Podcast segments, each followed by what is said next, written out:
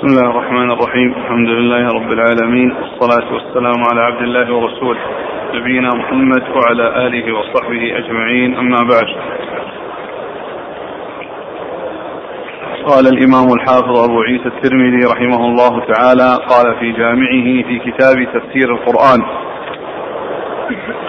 في باب ومن سورة البقرة ذكر أحاديث ومنها قال حدثنا ابن أبي عمر قال حدثنا سفيان قال سمعت الزهري يحدث عن عروة قال قلت لعائشة رضي الله عنها ما أرى على أحد لم يطف بين الصفا والمروة شيئا وما أبالي ألا أطوف بينهما فقالت بئس ما قلت يا ابن أختي. طاف رسول الله صلى الله عليه وسلم وطاف المسلمون. وإنما كان من أهل لمناة الطاغية التي بالمشلل لا يطوفون بين الصفا والمروة. فأنزل الله فمن حج البيت أو اعتمر فلا جناح عليه أن يطوف بهما. ولو كانت كما تقول لكانت فلا جناح عليه ألا يطوف بهما. قال الزهري فذكرت ذلك لأبي بكر بن عبد الرحمن بن الحارث بن هشام فأعجبه. فأعجبه ذلك وقال إن هذا العلم ولقد سمعت رجالا من أهل العلم يقولون إنما كان من لا يطوف بين الصفا والمروة من العرب يقولون إن طوافنا بين هذين الحجرين من أمر الجاهلية وقال آخرون من الأنصار إنما أمرنا بالطواف بالبيت ولم نؤمر به بين الصفا والمروة فأنزل الله تعالى إن الصفا والمروة من شعائر الله. قال أبو بكر بن عبد الرحمن فأراها نزلت في هؤلاء وهؤلاء. قال أبو عيسى هذا حديث حسن صحيح. بسم الله الرحمن الرحيم. الحمد لله رب العالمين وصلى الله وسلم وبارك على عبده ورسوله نبينا محمد وعلى آله وأصحابه أجمعين. أما بعد فهذا الحديث عن عائشة رضي الله عنها يتعلق بالطواف بين الصفا والمروة أي السعي بين الصفا والمروة. وذلك يتعلق بحكم السعي. وعروة بن الزبير رضي الله رحمة الله عليه وهو ابن أسماء بنت أبي بكر جاء إلى خالته عائشة رضي الله عنها وقال إنني إنني لا أرى يعني أن من لم يطلب في بيتي شيئا بين والمروة عليه شيئا ولا أبالي ألا أطوف بين الصفا والمروة. قالت بئس ما قلت لأنه فهم من قوله أن فمن حج البيت فلا جناح عليه يطوف به لأن ليس عليه جناح. ليس جناح أنه يعني ما يطوف بينهما. فأخبرت عائشة رضي الله عنها بأن هذا الفهم خطأ وأن الآية معناها أن أن الأنصار كانوا قبل ذلك إذا أهلوا للصنم الذي في قديد أو قريب من قديد المشلل كانوا لا يطوفون بين الصفا والمروة. فأنزل الله عز وجل أن أن, أن الإسلام جاء بأن الصفا والمروة يطوف بهما وأنه لا جناح على من طوف بهما. فهؤلاء الذين يرون أنهم كانوا يعني في الجاهلية يفعلون هذا الفعل وأنهم لا يطوفون بين الصفا والمروة جاء القرآن بأنه يطوف بهما وأنه لا حرج وأن هذا الذي كان يعتقد في الجاهلية أنه ليس بصحيح. وجاء في بعضها كما ذكره المصنف في آخر الحديث عن أبي بكر بن عبد الرحمن أنهم كانوا يرون أن أن الطواف بهما هو شبيه بعبادة الأصنام. ف وأن وأنهم كانوا يعبدون الحجارة. وكان الصفا والمروة آه قالوا إن هذا من هذا القبيل. فأنزل الله عز وجل أن هذا من شعائر من شعائر من الشعائر التي جاء بها الإسلام وأنها من الدين. وأن من حج البيت واعتمر فليس عليه جناح أن يطوف بهما. ليس كما يظن ان ان أنه لما كان أهل الجاهلية يفعلون هذه الأفعال وأنها لا تفعل في الإسلام لأن أهل الجاهلية يعبدون الأصنام وأما الإسلام فقد جاء بالسعي بين الصفا والمروة وليس فيه آه، تعظيم لأصنام ولا تعظيم لحجارة وإنما هو فعل لأمر مشروع وهو السعي بين الصفا والمروة وأنه من شعائر الإسلام من شعائر هذا الدين الحنيف. قال إن الصفا والمروة من شعائر الله إنها من الشعائر. فإذا تفعل ويطاف بين الصفا والمروة ولا يتحرج من ذلك ولا يمتنع من ذلك وإن كان هذا حاصلا في الجاهلية فإن الإسلام جاء باعتبار هذا شعيرة من الشعائر وأنه لا حرج على من آه، وأن من حج البيت أو اعتمر فإنه ليس عليه حرج بل يفعل ذلك ولا حرج عليه. وقالت عائشة رضي الله عنها لعروة لما قالت ليس ما قلت لو كان الأمر كما تقول لكان لكان اللفظ أو المعنى فلا جناح عليه ألا يطوف بهما. فلا جناح عليه ألا يطوف بهما. لو كان الأمر كما ظنه عروة بن الزبير رحمه الله. وقد جاء في بعض الروايات في الصحيح أن عروة بن الزبير اعتذر عن نفسه لكونه فهم هذا الفهم الخاطئ. قال كنت حديث السن كنت حديث السن. جاء في بعض الروايات في الصحيح كنت حديث السن. وهذا يمهد لاعتذاره بهذا الخطأ. وهذا يدلنا على أن الشباب إذا حصل لهم فهم وانقدح في أذهانهم فهم للمعاني فإنهم لا يتسرعون إلى أن يقولوا قولا ليس عليه أساس ليس له أساس ولا ليس له أصل وإنما عليهم أن يرجعوا إلى أهل العلم. كما فعل عروة رضي الله رحمة الله عليه فإنه رجع إلى عائشة وبينت له. فإنه رجع إلى عائشة وبينت له. وهو اعتذر عن فهمه الخاطئ بكونه شاب. قال كنت شابا حديث السن. فقلت كذا وكذا لعائشة فأخبرت عائشة رضي الله عنها وأرضاها بالمعنى الصحيح وأن الذي قاله وفهمه أنه فهم خاطئ وهذا يدلنا على أن رجوع آه، الشباب إلى أهل العلم فيه السلامة وفيه معرفة الحق وأن التسرع قد يؤدي بصاحبه إلى فعل أو إلى إلى فهم خاطئ وأن يفهم في دين الله عز وجل ما لا يصح أن يفهم لأنه مخالف ومباين لما جاء به هذا الدين الحنيف. أقرأ الحديث. عن عروة قال قلت لعائشة رضي الله عنها ما أرى على أحد لم يطف بين الصفا والمروة شيئا وما أبالي ألا أطوف بينهما. فقالت بئس ما قلت يا ابن أختي. طاف رسول الله صلى الله عليه وسلم وطاف المسلمون. وإنما طاف الرسول صلى الله عليه وسلم وطاف المسلمون يعني بالصفا والمروة فإذا هذه سنة وهذه شعيرة من الشعائر جاء بها الرسول صلى الله عليه وسلم. الرسول طاف والمسلمون طافوا. فهو صلى الله عليه وسلم طاف في عمره وطاف في حجته عليه الصلاة والسلام. يعني سعى بين الصفا والمروة في عمره في عمره وسعى في حجته بين الصفا والمروة. فإذا آه، العبرة بما جاء به الرسول صلى الله عليه وسلم من هذا التشريع. وهذا الذي بينه الرسول صلى الله عليه وسلم بقوله بفعله وبينه بقوله. لأنه قد جاء في بعض الأحاديث إن الله كتب عليكم السعي فاسعوا. يا أيها الناس إن الله كتب عليكم السعي فاسعوا. فبين ذلك صلى الله عليه وسلم بقوله وبفعله عليه أفضل الصلاة والسلام. ولهذا عائشة رضي الله عنها استدلت بفعله صلى الله عليه وسلم. قالت طاف رسول الله صلى الله عليه وسلم وطاف المسلمون. أي أنهم طافوا بين الصفا والمروة.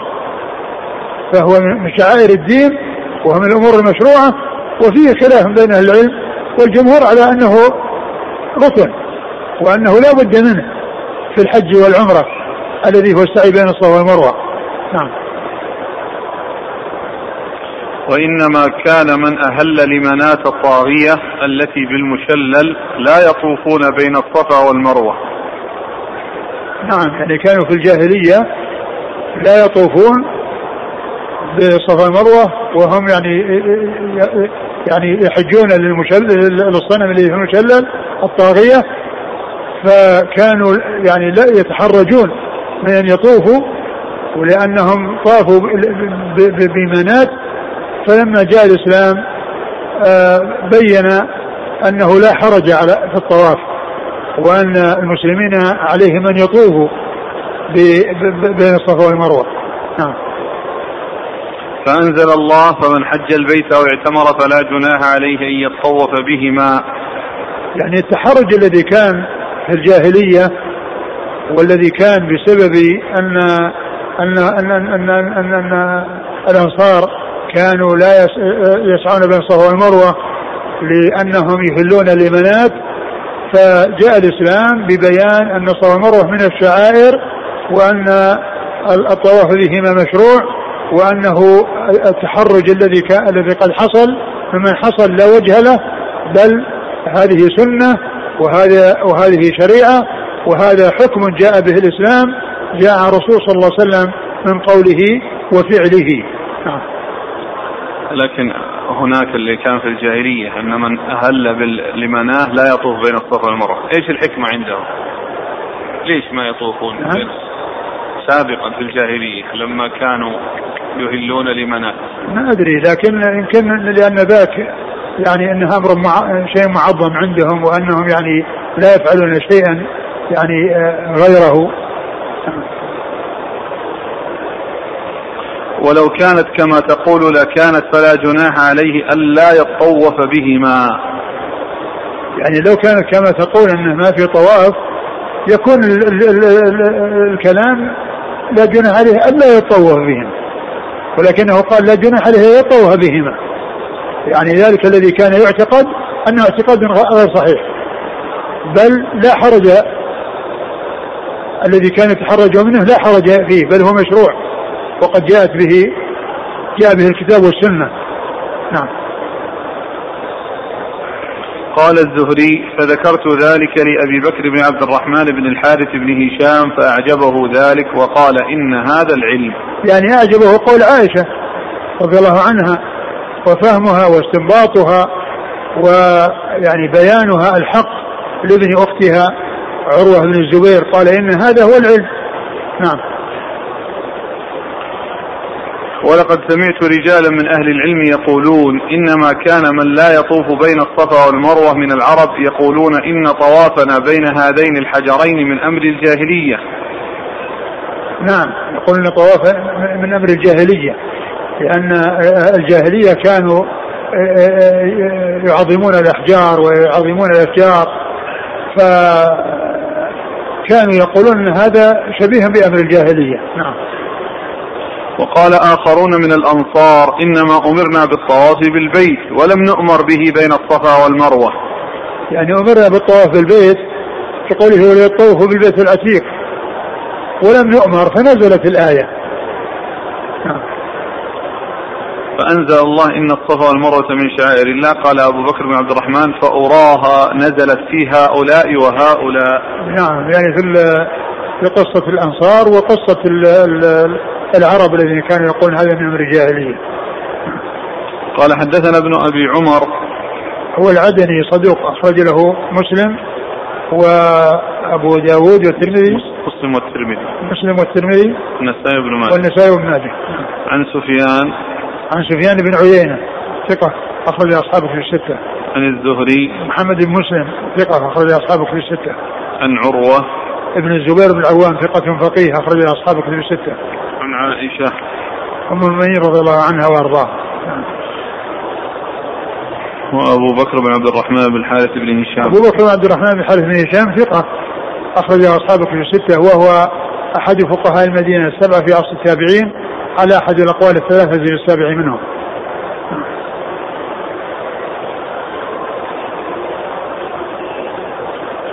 قال حدثنا عبد بن حميد قال حدثنا يزيد بن أبي حكيم عن سفيان عن عاصم الأحول قال سألت أنس بن مالك رضي الله عنه عن الصفا والمروة فقال كان من شعائر الجاهلية فلما كان الإسلام أمسكنا عنهما فأنزل الله إن الصفا والمروة من شعائر الله فمن حج البيت أو اعتمر فلا جناح عليه أن يطوف بهما قال هما تطوع ومن تطوع خيرا فإن الله شاكر عليم.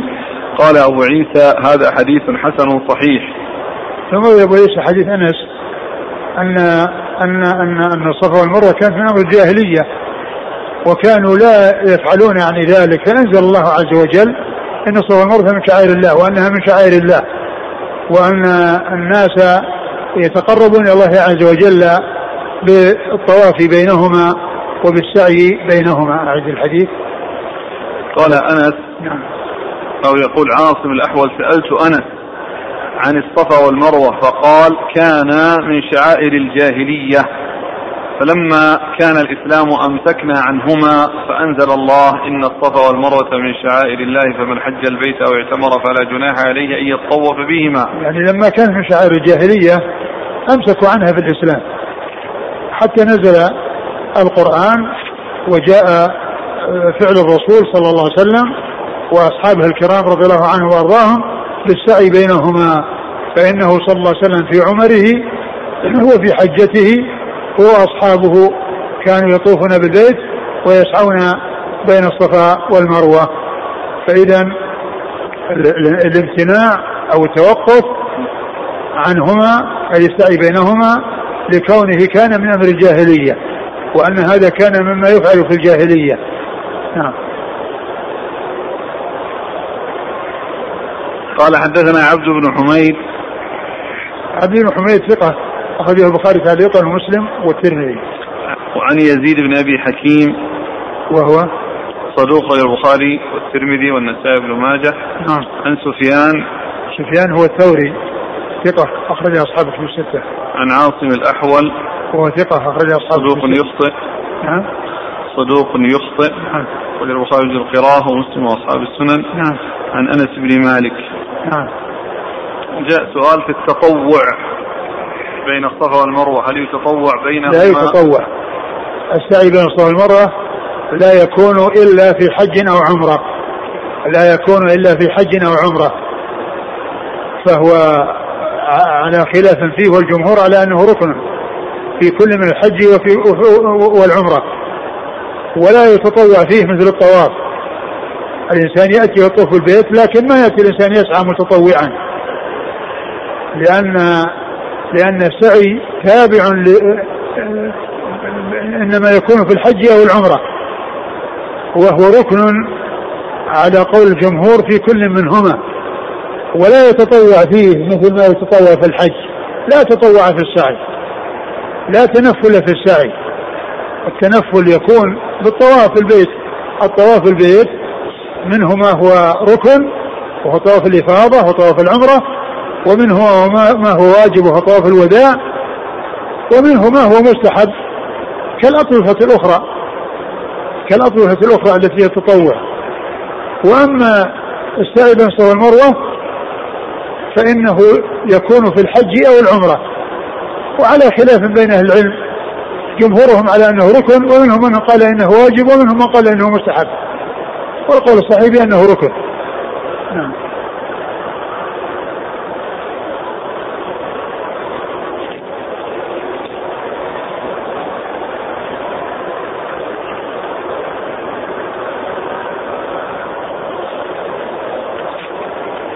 قال حدثنا ابن أبي عمر قال حدثنا سفيان عن جعفر بن محمد عن أبيه عن جابر عن جابر بن عبد الله رضي الله عنهما أنه قال سمعت رسول الله صلى الله عليه وسلم حين قدم مكة طاف بالبيت سبعا فقرأ واتخذوا من مقام إبراهيم مصلى فصلى خلف المقام ثم أتى الحجر فاستلمه ثم قال نبدأ بما بدأ الله. وقرأ إن الصفا والمروة من شعائر الله. قال أبو عيسى هذا حديث حسن صحيح. ثم روي أبو عيسى حديث جابر رضي الله عنه أن النبي صلى الله عليه وسلم لما قدم طاف بالبيت وصلى خلف المقام ركعتين وقال واتخذوا من مقام إبراهيم مصلى. ثم جاء بعد ركعتي الطواف واستلم الحجر. ثم ذهب إلى الصفا للسعي بين الصفا والمروة. وبدأ بالصفا. ولما جاء عند الصفا قال نبدأ بما بدأ الله به. أي نبدأ بالصفا لأن الله بدأ به في الذكر. فما بدأ الله به ذكرا نبدأ به فعلا. ما بدأ الله به ذكرا نبدأ به فعلا. لأنه قال إن الصفا والمروة. ما قال إن المروة والصفا. فقد بدأ الله بالصفا فنحن نبدأ به. ولهذا لا يجوز أن يبدأ بالعمرة بالمروة. ومن بدأ بها فإن ذلك الشوط يلغيه. إذا كان فعله جاهلا فإنه يلغيه. والتعمد لا يجوز له أن يتعمد ولكن يبدأ بالصفا وإن بدأ بالمروة يلغي ذلك الشوط ثم يبدأ يحسب سبعة أشواط. يبدأ من الصفا وتنتهي بالمروة. من الصفا إلى المروة شوط ثم إذا رجع من المروة إلى الصفا صار شوطا ثانيا وهكذا يبدأ بالصفا ويختم بالمروة. فالرسول صلى الله عليه وسلم قال نبدأ بما بدأ الله به. فدل على أن البدء إنما يكون بالصفا لا بالمروة. نعم.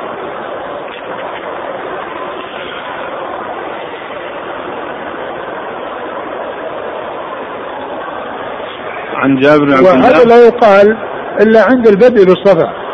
لا يقال عند كل ما يأتي المرء الصفا يقول نبدأ بما بدأ الله به. وإنما يكون هذا في أول الأمر عند البداية. نعم. قال حد هنا قال عن جابر سمعت الرسول صلى الله عليه وسلم يقول حين قدم مكة طاف بالبيت سبعا فقرأ واتخذوا من مقام إبراهيم مصلى فصلى خلف المقام. تقرأ. ها؟ تقرأ نعم. خلف كل نعم. طواف ولو كان طواف تطوع. ال- اللي هو قضية واتخذوا من مقام إبراهيم نعم الرسول قال هذا. الرسول قال هذا عندما عندما آه، قدم وطاف بالبيت آه، آه، صلى خلف المقام ثم رجع واستلم الحجر ثم ذهب إلى الصفا. لكن لا أدري هل قالها عند كل عند كل طواف عند كل طواف. يعني هذه الجملة وهذه الآية تلاها عند كل طواف؟ لا أدري. أما بالنسبة للركعتين فهي خلف كل طواف. نعم نعم في كل طواف.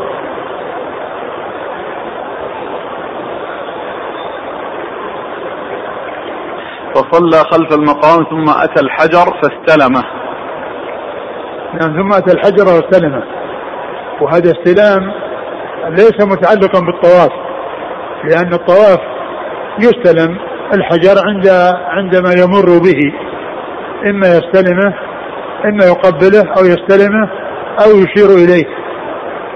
أو يشير إليه ويكبر إذا إذا حاذاه. وهنا جاء واستلمه. بعدما طاف وفي بعض الروايات بعد ما شرب من زمزم جاء واستلمه صلى الله عليه وسلم ثم ذهب إلى الصفا. نعم. من لم يتمكن يكتفي بالإشارة؟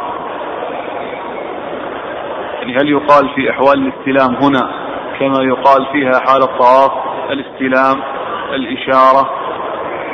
الذي الذي جاء عنه هنا هو الاستلام.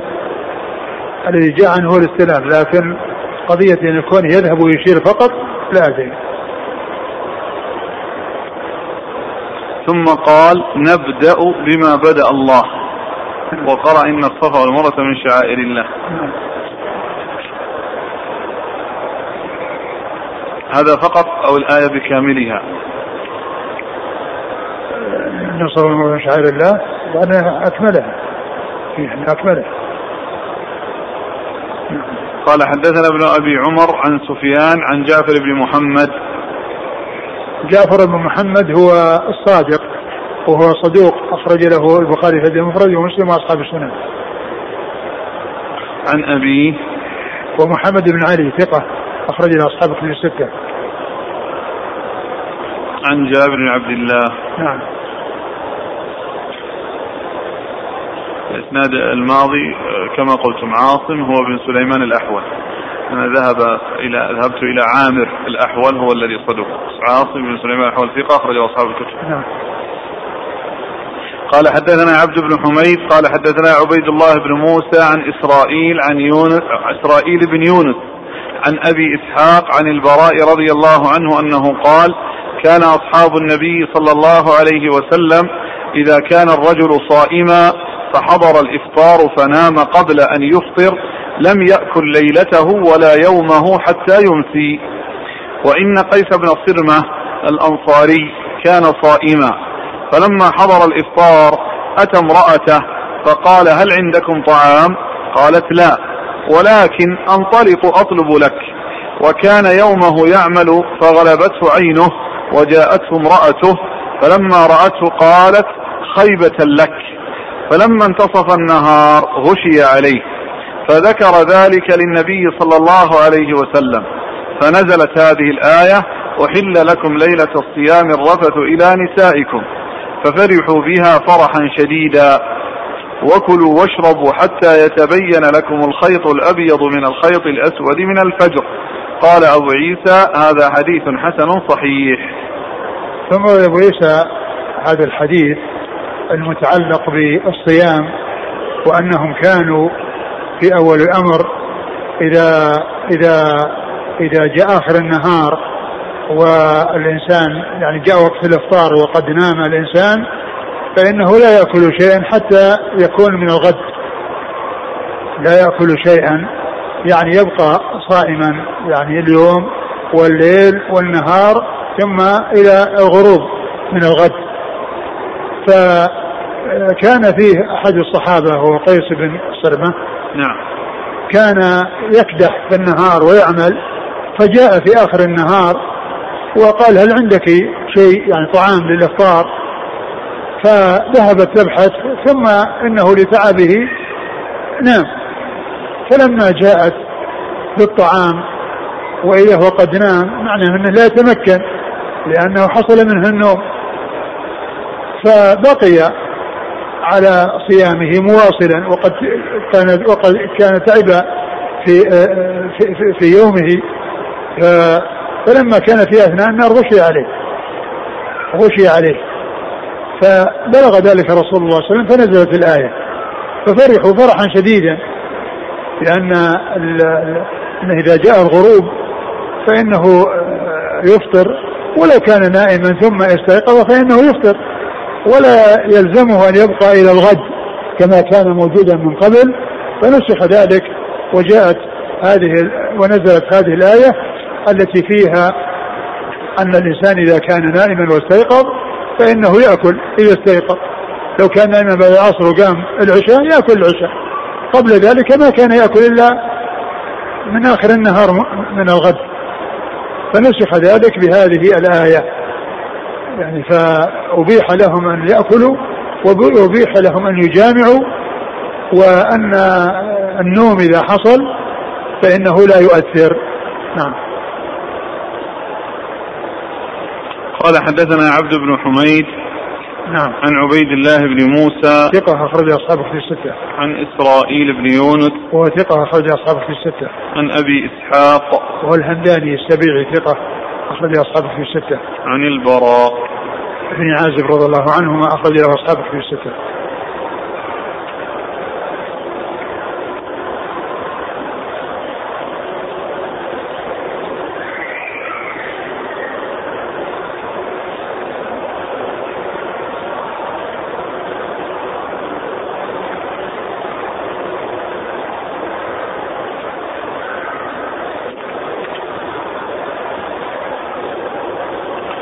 قال حدثنا هناد قال حدثنا أبو معاوية عن الأعمش عن زر عن يسيع الكندي عن النعمان بن بشير رضي الله عنهما عن النبي صلى الله عليه وسلم في قوله وقال ربكم ادعوني أستجب لكم. قال الدعاء هو العبادة. وقرأ وقال ربكم ادعوني أستجب لكم إلى قوله داخرين. قال أبو عيسى هذا حديث حسن صحيح رواه منصور. ثم ورد أبو عيسى هذا الحديث عن عن عن النعمان بن بشير. عن النعمان بن بشير رضي الله عنهما. ان النبي صلى الله عليه وسلم آه قرأ. وقال ربكم ادعوني أستجب لكم. وقال ربكم ادعوني أستجب لكم. قال الدعاء هو العبادة. الدعاء هو العبادة. وهذه الآية في سورة غافر. ولكن جاء ذكرها المصنف هنا لأن الآية التي في في في, في البقرة يعني في آه، آه، في آه، في وسط آيات الصيام وإذا سألك عبادي عني فإني قريب أجيب دعوة الداعي إذا دعاني فليستجيبوا لي. ف أوردها هنا من أجل أنها شبيهة بها وإلا فإن الآية التي تلاها هي في سورة غافر. ولكن لكون الدعاء جاء في هذه الآية يجاوز الداعي إذا دعاني فمن أجل ذلك أورد يعني هذا وفي بيان أن الدعاء آه، نوع من أنواع العبادة بل الرسول صلى الله عليه وسلم قال الدعاء هو العبادة ليبين أن عظم شأنه في العبادة فهو مثل قول الرسول صلى الله عليه وسلم الدين النصيحة وقولها الحج عرفة إذا هذا يبين أهمية الدعاء وعظم شأنه. وهو نوع من أنواع العبادة وهو من أعظم أنواع العبادة. نعم. قال حدثنا هناد عن أبي معاوية. أبو معاوية هناد بن السري ثقة أخرجه البخاري في خلق أفعال العباد ومسلم وأصحاب السنن وأبو معاوية محمد بن خازم ثقة أخرجه أصحاب كتب الستة. عن الأعمش. سليمان بن مهران ثقة أخرج أصحاب كتب الستة. عن ذر ذر بن عبد الله وهو ثقة أخرج له. أصحاب الكتب. عن يسيع ويسيع وهو ثقة أخرج له. أصحاب المفرد وأصحاب السنن عن نعم. النعمان بن بشير. رضي الله عنهما أخرج له أصحاب كتب الستة. هذه الكلمة صحيحة وحديث حسن صحيح رواه منصور. ما هي موجودة في هذه لا توجد إلا في هذا النص منصور هو من أقران الأعمش. هو من أقران الأعمش. لكن لا توجد إلا في هذا النص.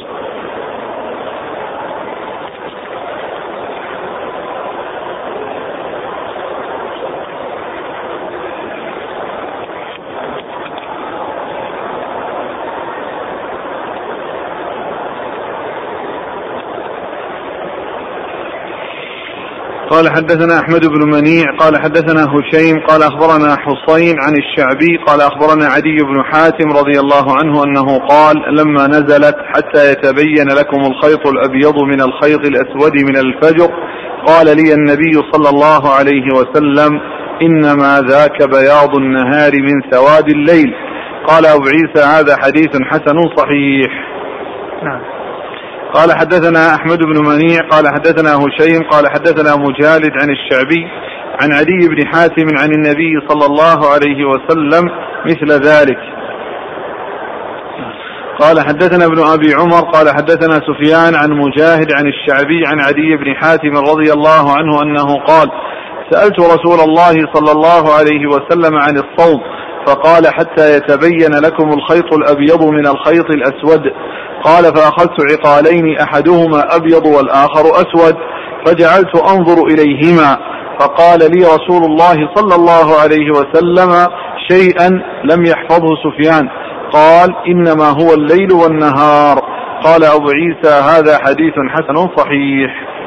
ثم أبو عيسى حديث علي بن حاتم رضي الله عنه وهو أن أنه فهم من آه، حتى يتبين لكم الخيط الأبيض من الخيط الأسود آه، التمييز بين السواد والبياض.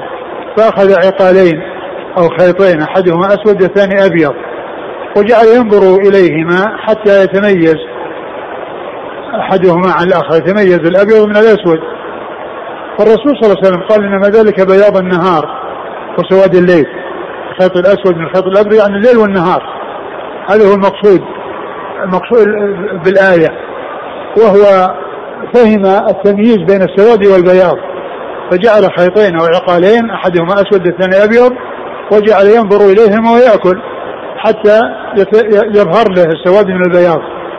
فالرسول صلى الله عليه وسلم بين أن ذلك هو بياض الليل وسواد النهار بياض النهار وسواد الليل وبين ذلك قوله من الفجر.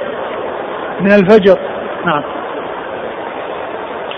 قال حدثنا أحمد بن منيع ثقة أخرج أصحابه في الستة. عن هشيم هشيم بشير ثقة أخرج أصحابه في الستة. عن حصين حسين بن عبد الرحمن ثقة أخرج أصحابه في الستة. عن الشعبي وعامر بن شراحيل الشعبي ثقة أخرج أصحابه في الستة.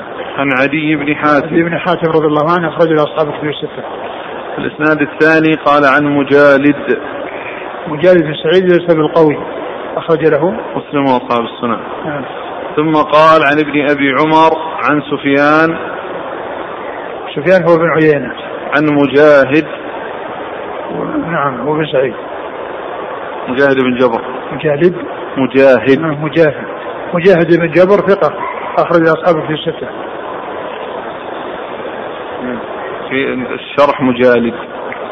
مجالد في الشرح مجالد النسخة. التي معنا مجاهد. والنسخ الأخرى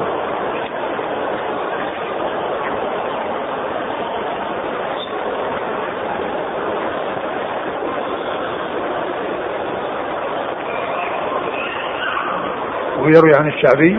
إي نعم. يدل على مجالد لأنه مثل الطرق الأخرى النسخ الأخرى فيه؟ كلها مجا... مجالد نعم إذا هي خطأ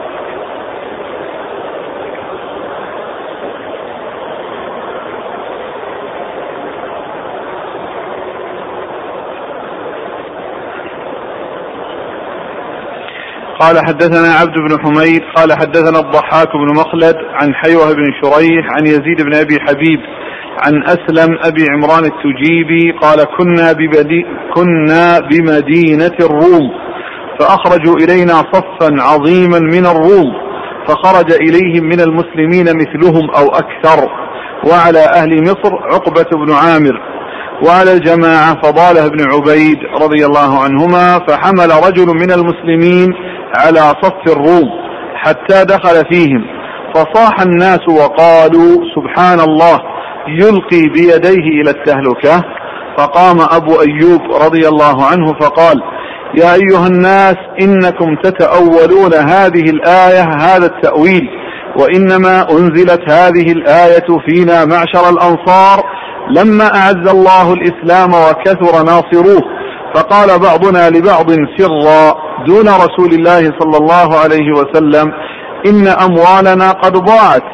وإن الله قد أعز الإسلام وكثر ناصروه فلو أقمنا في أموالنا فأصلحنا ما ضاع منها. فأنزل الله على نبيه صلى الله عليه وسلم يرد علينا ما قلنا. وأنفقوا في سبيل الله ولا تلقوا بأيديكم إلى التهلكة. فكانت التهلكة الإقامة على أموال الإقامة على على الأموال وإصلاحها. وتركنا تركنا وتركنا وتركنا الغزو. فما زال أبو أيوب شاخصا في سبيل الله حتى دفن بأرض الروم.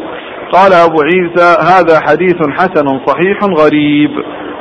ثم روي أبو عيسى هذا الحديث عن أبي أيوب الأنصاري رضي الله عنه أن أن أنهم كانوا في غزو وأن رجل المسلمين أقدم على يعني في صفوف الكفار فقالوا ألقى بنفسه إلى التهلكة. فقال إن هذه الآية نزلت فينا وأن كنا لما عز الله الإسلام ونصر أهله وكثر المسلمون وكثر المجاهدين في سبيل الله قال بعضهم فيما بينهم لو أننا أقمنا عند أموالنا وأصلحناها لأنه يوجد من من يجاهد ومن يحصل به المقصود. والجهاد فعلا فرض كفاية. فلو أننا بقينا عند أموالنا وأصلحناها فنزلت الآية قال وأنفقوا في سبيل الله ولا تلقوا بأيديكم إلى التهلكة. يعني أن التهلكة هي بقائهم عند الأموال لإصلاحها وأمروا بالإنفاق في سبيل الله للجهاد وغير الجهاد من وجوه البر وأن لا آه، يتركوا الجهاد من أجل المحافظة على الأموال وبقاء والبقاء على الأموال. كما قال الله عز وجل يا أيها الذين آمنوا لا تلكم أموالكم ولا أولادكم عن ذكر الله. يا أيها الذين آمنوا لا تلكم أموالكم ولا أولادكم عن ذكر الله. فقال إنها نزلت فينا وأن هذا سبب نزولها وليس المقصود من ذلك أن الإنسان إذا أقدم إقداما يحصل منه نكاية للعدو والموت ليس بمحقق أن هذا ليس من قبيل التهلكة. من قبيل ما هو التهلكة. نعم.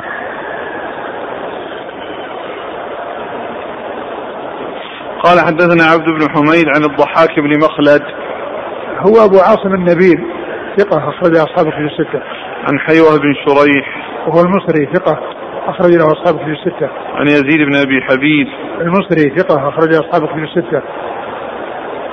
عن أسلم أبي عمران السجيبي. وهو مصري أيضا ثقة أخرج له. أبو داود الترمذي والنسائي. نعم. عن أبي أيوب. أيوب الأنصاري رضي الله عنه خالد بن زيد أخرج له أصحابه في الستة. قال كنا بمدينة الروم فأخرجوا إلينا صفا عظيما من الروم فخرج إليهم من المسلمين مثلهم أكثر وعلى أهل مصر عقبة بن عامر وعلى الجماعة فضاله بن عبيد. يعني كان المسؤول عن الغزو أنه فضله بن عبيد وأهل مصر اللي كان عليهم عقبة بن عامر رضي الله تعالى عنه وأنهم صافوا الروم وأن نعم ثم رجلا. قال على مصر على أهل مصر عقبة بن عامر وعلى الجماعة فضاله بن عبيد. نعم. الجماعة؟ نعم كان الجماعة الذين يعني آه الذين جاءوا من غير مصر. أو أن أمير الجماعة كلهم. وذاك يعني مسؤول عن أهل مصر وهذا مسؤول عن الجميع.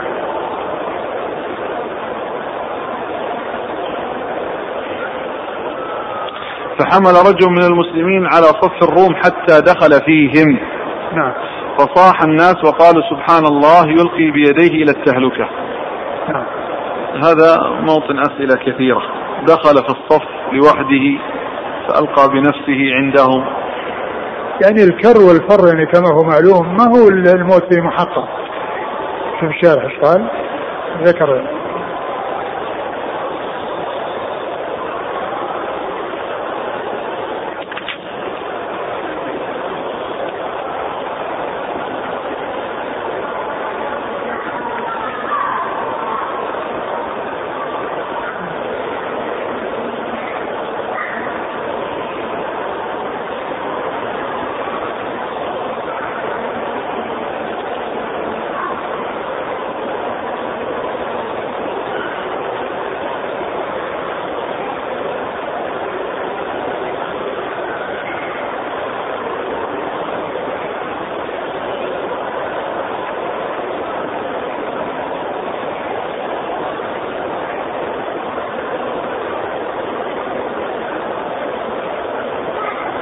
أن الآية بعمومها تشمل الالقاء بالتهلكه وكل إنسان يعني يلقي بنفسه أو يهلك نفسه إذا كان الهلاك يعني محققا. والعبرة بعموم اللفظ لا بخصوص السبب.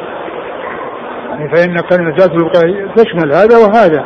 وإن كان سبب نزولها فيما يتعلق بالنسبة لل للمحافظة على الأموال. ولكن آه كون الإنسان يعرض نفسه للهلاك ويقدم على شيء فيه هلاك ليس له ذلك نعم. يقول أما مسألة حمل الواحد على العدد الكثير من العدد فصرح الجمهور بأنه إن كان لفرط شجاعته وظنه أنه يرهب العدو بذلك أو يجرئ المسلمين يجرئ المسلمين ينشطهم ويقويهم يجرئ المسلمين عليهم أو نحو ذلك من المقاصد الصحيحة فهو حسن. ومتى كان مجرد تهور فممنوع ولا سيما إن ترتب على ذلك وهن في المسلمين.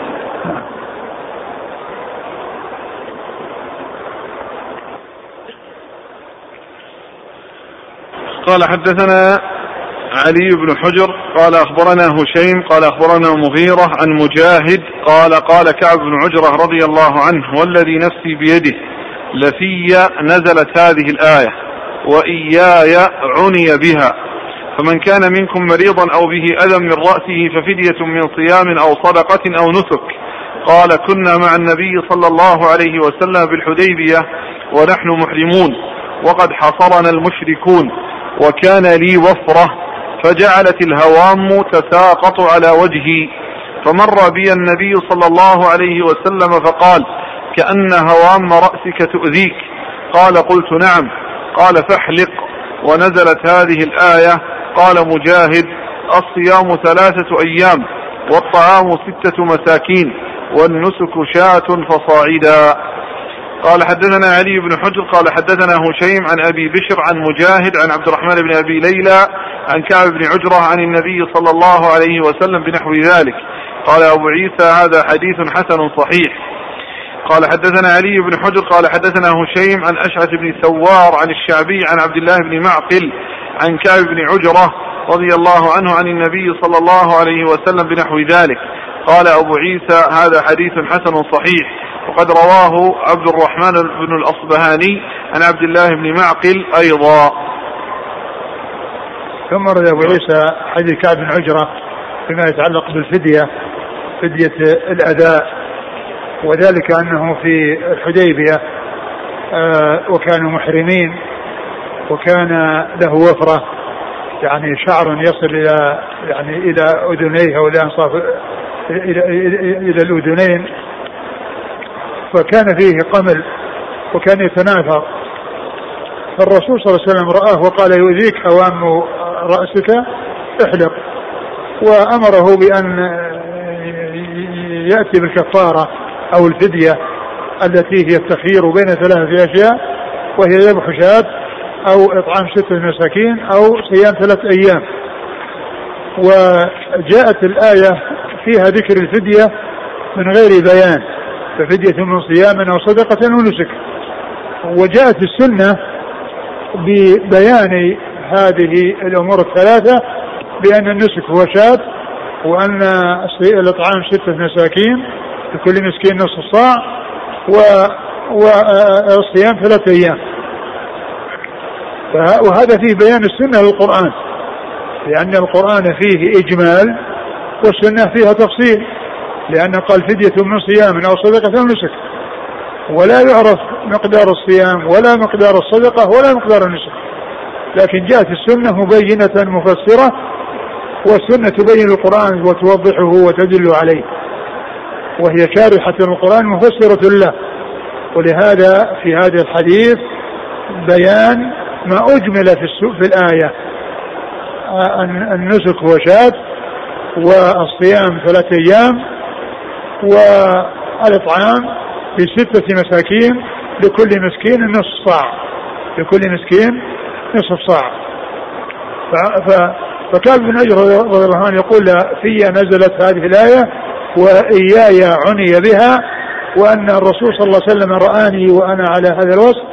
فقال احلق رأسك وأمره بأن آه، آه، وفي الآية آه، أن عليه أن يأتي بنسك أو بشاة بنسك أو صيام أو إطعام وبين رسول الله صلى الله عليه وسلم النسك بأنه شاة والصيام ثلاثة أيام والإطعام ستة مساكين نعم. مكانها إيش؟ مكان هذه الفدية مكانها في نفس نفس الوقت الذي المكان الذي كانوا فيه وهو كونه في الحديبية في المكان الذي هذا يعمل الفدية وإذا كان الوصول إلى الحرم قالوا كل هدي أو إطعام فلمساكين الحرم. كل هدي أو إطعام فلمساكين الحرم. لكن إذا كان لا يوصل إليه فإنه يفعل في أي مكان كما حصل في الحديبية.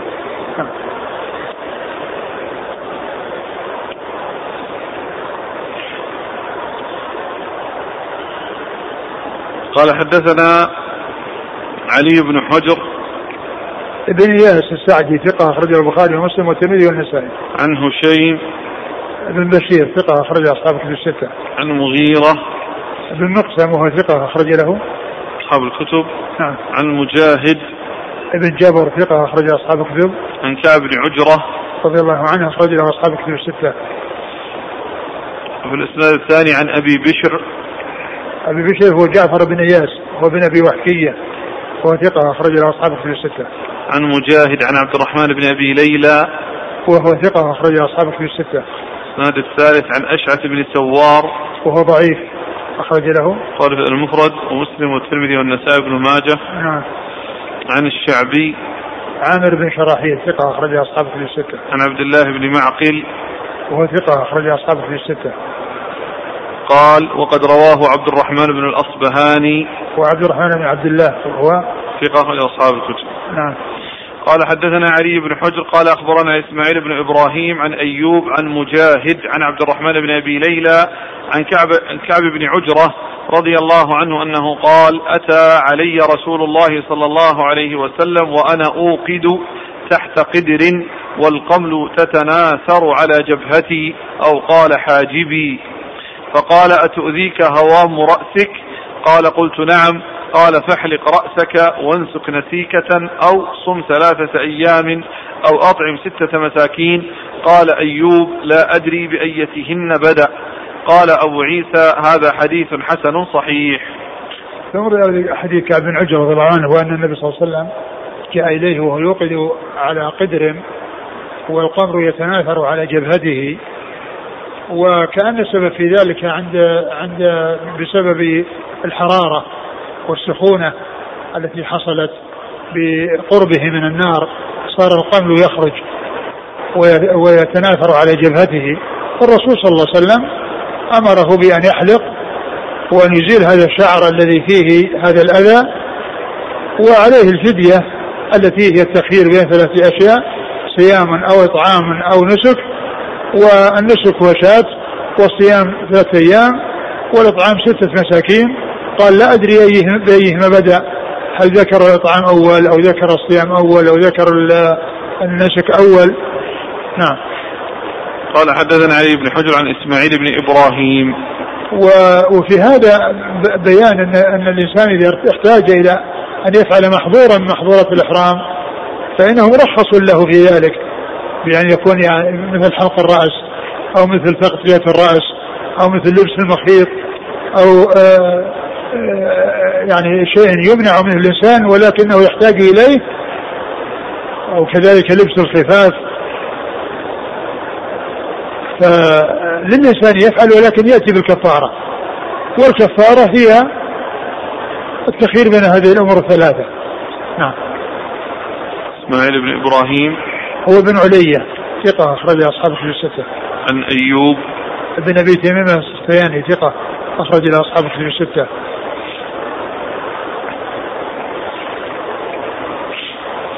قال حدثنا ابن أبي عمر قال حدثنا سفيان بن عيينة عن سفيان الثوري عن بكير بن عطاء عن عبد الرحمن بن يعمر قال قال رسول الله صلى الله عليه وسلم الحج عرفات الحج عرفات. الحج عرفات أيام منى ثلاث فمن تعجل في يومين فلا إثم عليه ومن تأخر فلا إثم عليه ومن أدرك عرفة قبل أن يطلع الفجر فقد أدرك الحج قال ابن أبي عمر قال سفيان بن عيينة وهذا أجود حديث رواه الثوري قال أبو عيسى هذا حديث حسن صحيح وقد رواه شعبة عن بكير بن عطاء ولا نعرفه إلا من حديث بكير بن عطاء.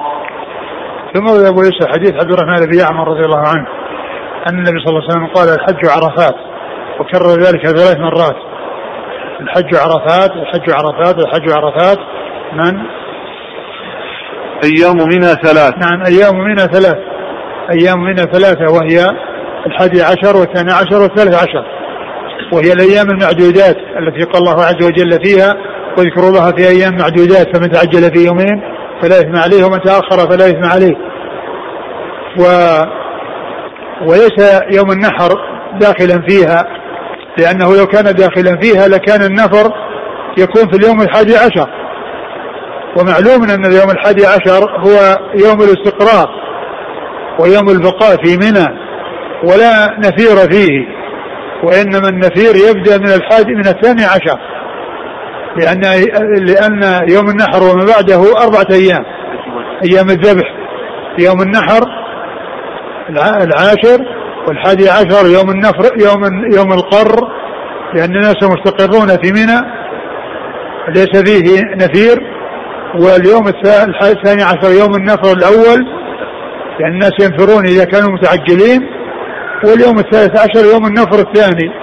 أي الذين يتأخرون. فإنهم ينفرون في اليوم الثالث الثالث عشر.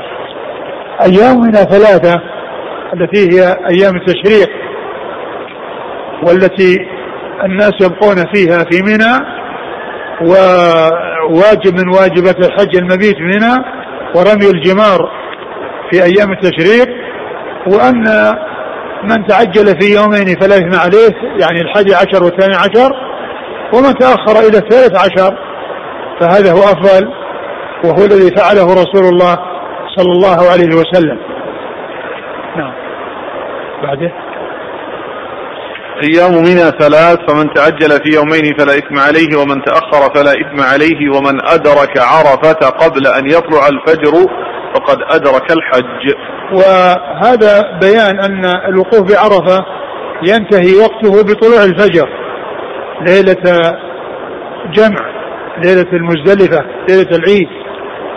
فمن وصل إلى عرفة قبل أن يطلع الفجر أدرك أدرك الوقوف. ومن طلع الفجر وهو لم يقف بعرفة فاته الحج. فاته الحج ويتحول إلى عمرة ويطوف بالبيت ويسعى. والحج قد فاته هذه السنة. لأن لأن الرسول قال الحج عرفة يعني أنه الحج أنه الركن الذي يفوت الحج بفواته. وهو ركن عظيم وهو الذي يتوقف الحج أو يحصل الحج بتحصيله وإن فات فإنه يفوت بخلاف الطواف والسعي فإنه لا يفوت. يمكن الإنسان ولو بعد سنين يطوف ويسعى لأنه ليس له وقت محدد ولكن الوقوف له وقت محدد. إذا طلع الفجر من ليلة العيد انتهى الوقوف. من لم يصل إلى عرفة قبل طلوع الفجر فاته الوقوف ويتحول إلى عمرة. إيش قال في آخره؟ ومن أدرك عرفة قبل أن يطلع الفجر فقد أدرك الحج. نعم. قال حدثنا ابن أبي وهذا في حق من آه، لم يأتي إلى عرفة قبل غروب الشمس. من أتى إليها قبل الغروب فإنه يخرج منها إذا غربت الشمس. لكن من لم يصل إليها لبعد الغروب فإنه يدرك الوقوف إلى قبيل طلوع الفجر. نعم. قال حدثنا ابن أبي عمر عن سفيان بن عيينة عن سفيان الثوري عن بكير بن عطاء. سفيان الثوري ثقة أخرج أصحاب الستة وبكير بن عطاء هو؟ ثقة أخرج أصحاب السنن. نعم. عن عبد الرحمن عن عبد الرحمن بن يعمر. عبد الرحمن بن يعمر صحابي أخرج له؟ أصحاب السنن. نعم.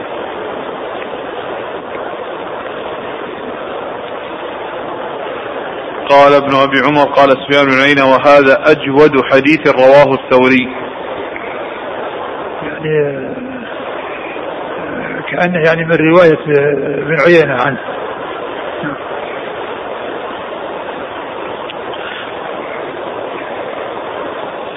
قال حدثنا ابن أبي عمر قال حدثنا سفيان عن ابن جريج عن ابن أبي مليكة عن عائشة رضي الله عنها أنها قالت قال رسول الله صلى الله عليه وسلم أبغض الرجال إلى الله الألد الخصم قال أبو عيسى هذا حديث حسن. والله تعالى أعلم وصلى الله وسلم وبارك على هدي ورسول نبينا محمد وعلى آله وأصحابه أجمعين. جزاكم الله خيرا وبارك الله فيكم. ألهمكم الله الصواب ووفقكم للحق. ونفعنا الله بما سمعنا غفر الله لنا ولكم وللمسلمين أجمعين. آمين. آمين.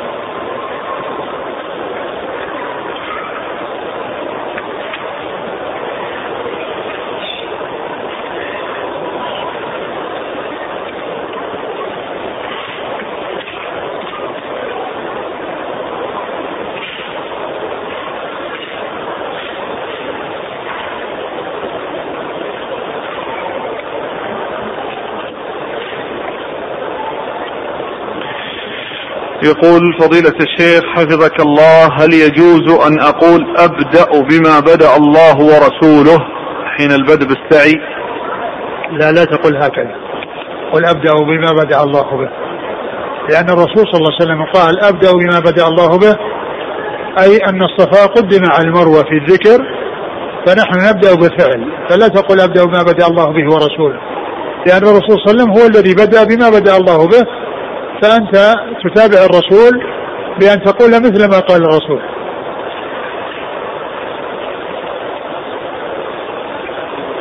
يقول آه، عرفنا أنه بعد كل طواف يصلى ركعتين.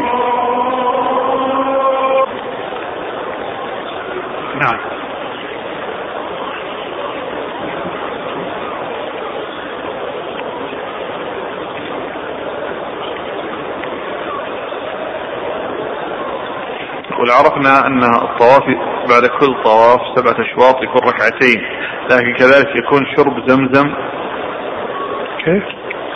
بعد كل طواف تصلى ركعتين. كذلك ليس كذلك شرب زمزم. أقول ليس كذلك كل ما طاف الإنسان يفعل شرب زمزم. ولا طاف يعني يعني أسبوعات عديدة. كل ما يطوف أسبوع يروح يشرب لا ليس كذلك. وإنما الطواف يعني كلما طاف يعني كلما طاف يصلي لكن الشرب لا, لا, لا, لا ليس هناك شيء يدل عليه على أن الإنسان يفعل عند كل طواف. هل ركعتا الطواف تلزماني بعد كل سبعة أشواط أم يجوز لي أن أطوف أربعة عشر شوطا ثم أصلي بعد ذلك أربع ركعات؟ والله الذي يبدو إنه لا بأس بذلك. الإنسان اذا إذا ان, إن طاف سبعة وصلى ركعتين ثم راح طاف ثم يصلي ركعتين وهكذا وإن جمع بين اربعه أربعة عشر شوطا أو واحد وعشرين شوطا وصلى بعد ذلك أربع ركعات أو ست ركعات يكون حصل المقصود بهذا. يقول هل إذا اتبعت شيخ الإسلام في مسألة إخراج السروال عن حكم الإسبال أن أكون آثما؟ إخراج السروال؟ يشير إلى أن شيخ الإسلام ابن تيمية يرى أن الإسبال يكون في الإزار. وأما طيب السراويل فلا يكون ما في إسبال؟ هذا أين هذا؟ أين هذا الكلام؟ الرسول قال ما أسفل من الكعبين فهو في النار. هذا لفظ عام.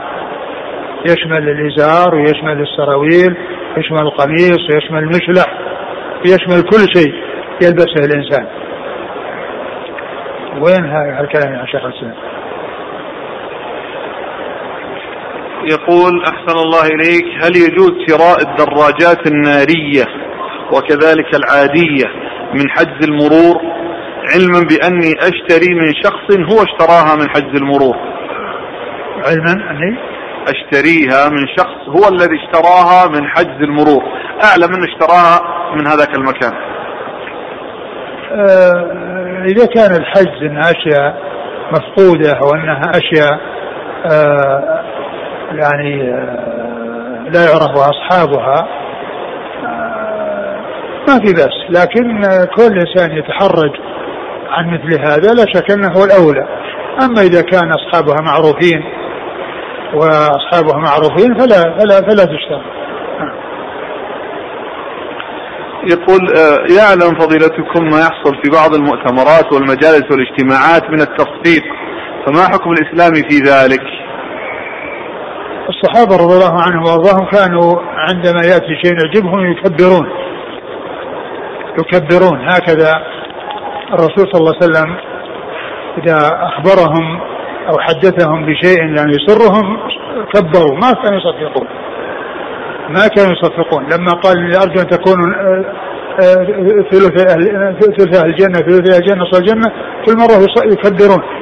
وعمر رضي الله عنه لما جاء إلى الرسول صلى الله عليه وسلم وكان أشيع أنه طلق نساءه لما اعتزلهن جاء إليه وقال طلقت نساءك يا رسول الله؟ قال قال لا. قال الله أكبر. فكبر. رضي الله عنه.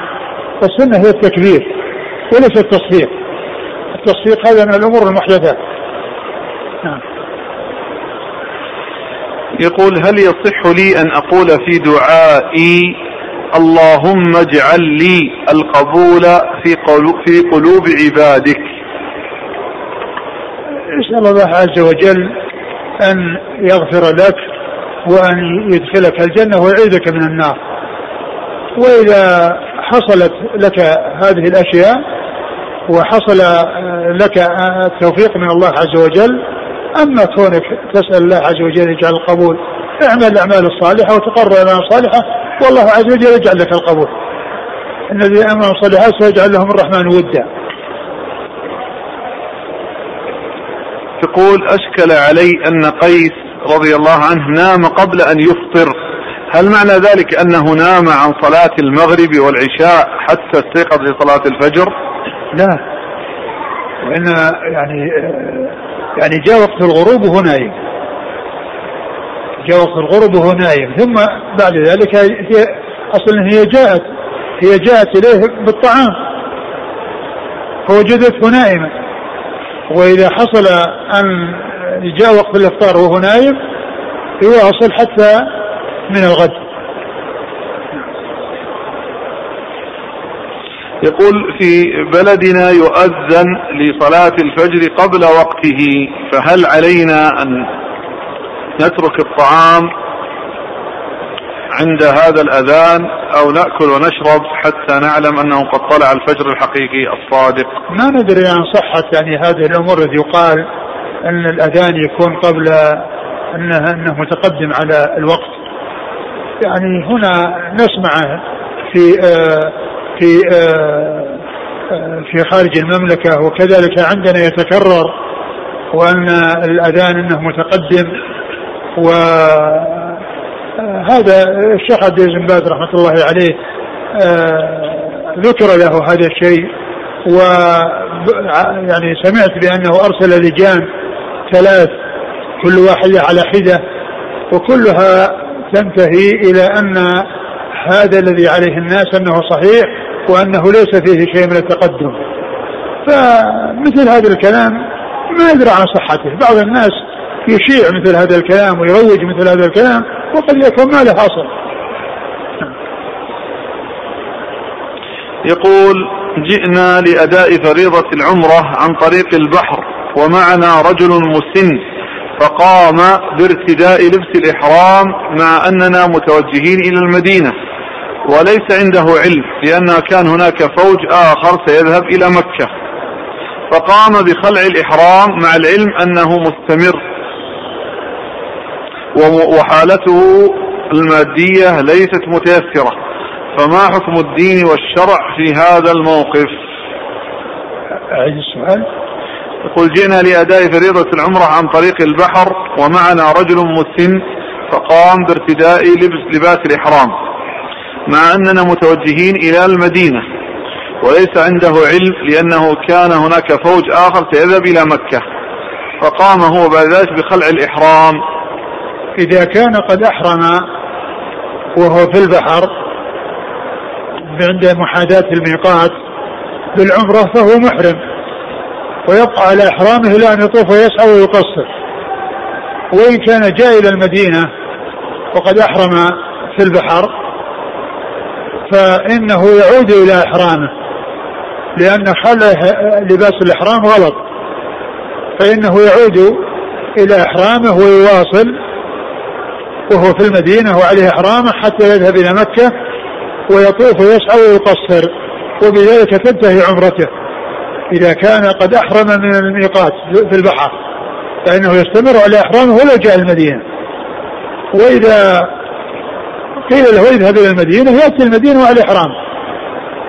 وإن تمكن يذهب إلى مكة يذهب إلى مكة. ولكن من دخل في النسك فعليه الاستمرار فيه حتى ينهيه. وهذا إذا جاء إذا كان جاء المدينة وخلع إحرامه فعليه أن يعود.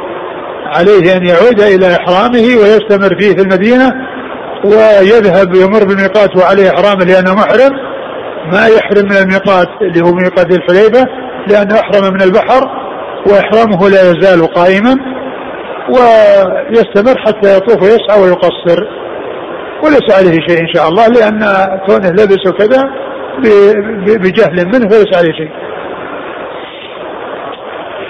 يقول في عمرة مضت طفت بين الصفا والمروة مبتدئا بالمروة.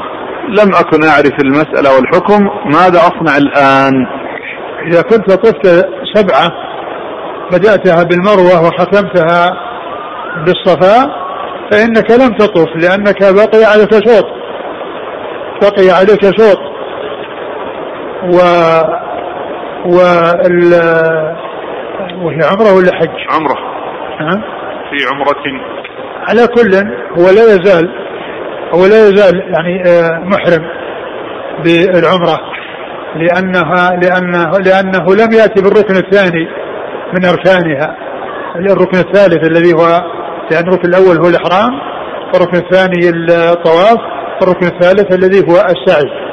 وعليه أن يعني يذهب إلى مكة ويأتي بالسعي الذي عليه. نعم. جزاكم الله خيرا. سبحانك اللهم وبحمدك أشهد أن لا إله إلا أنت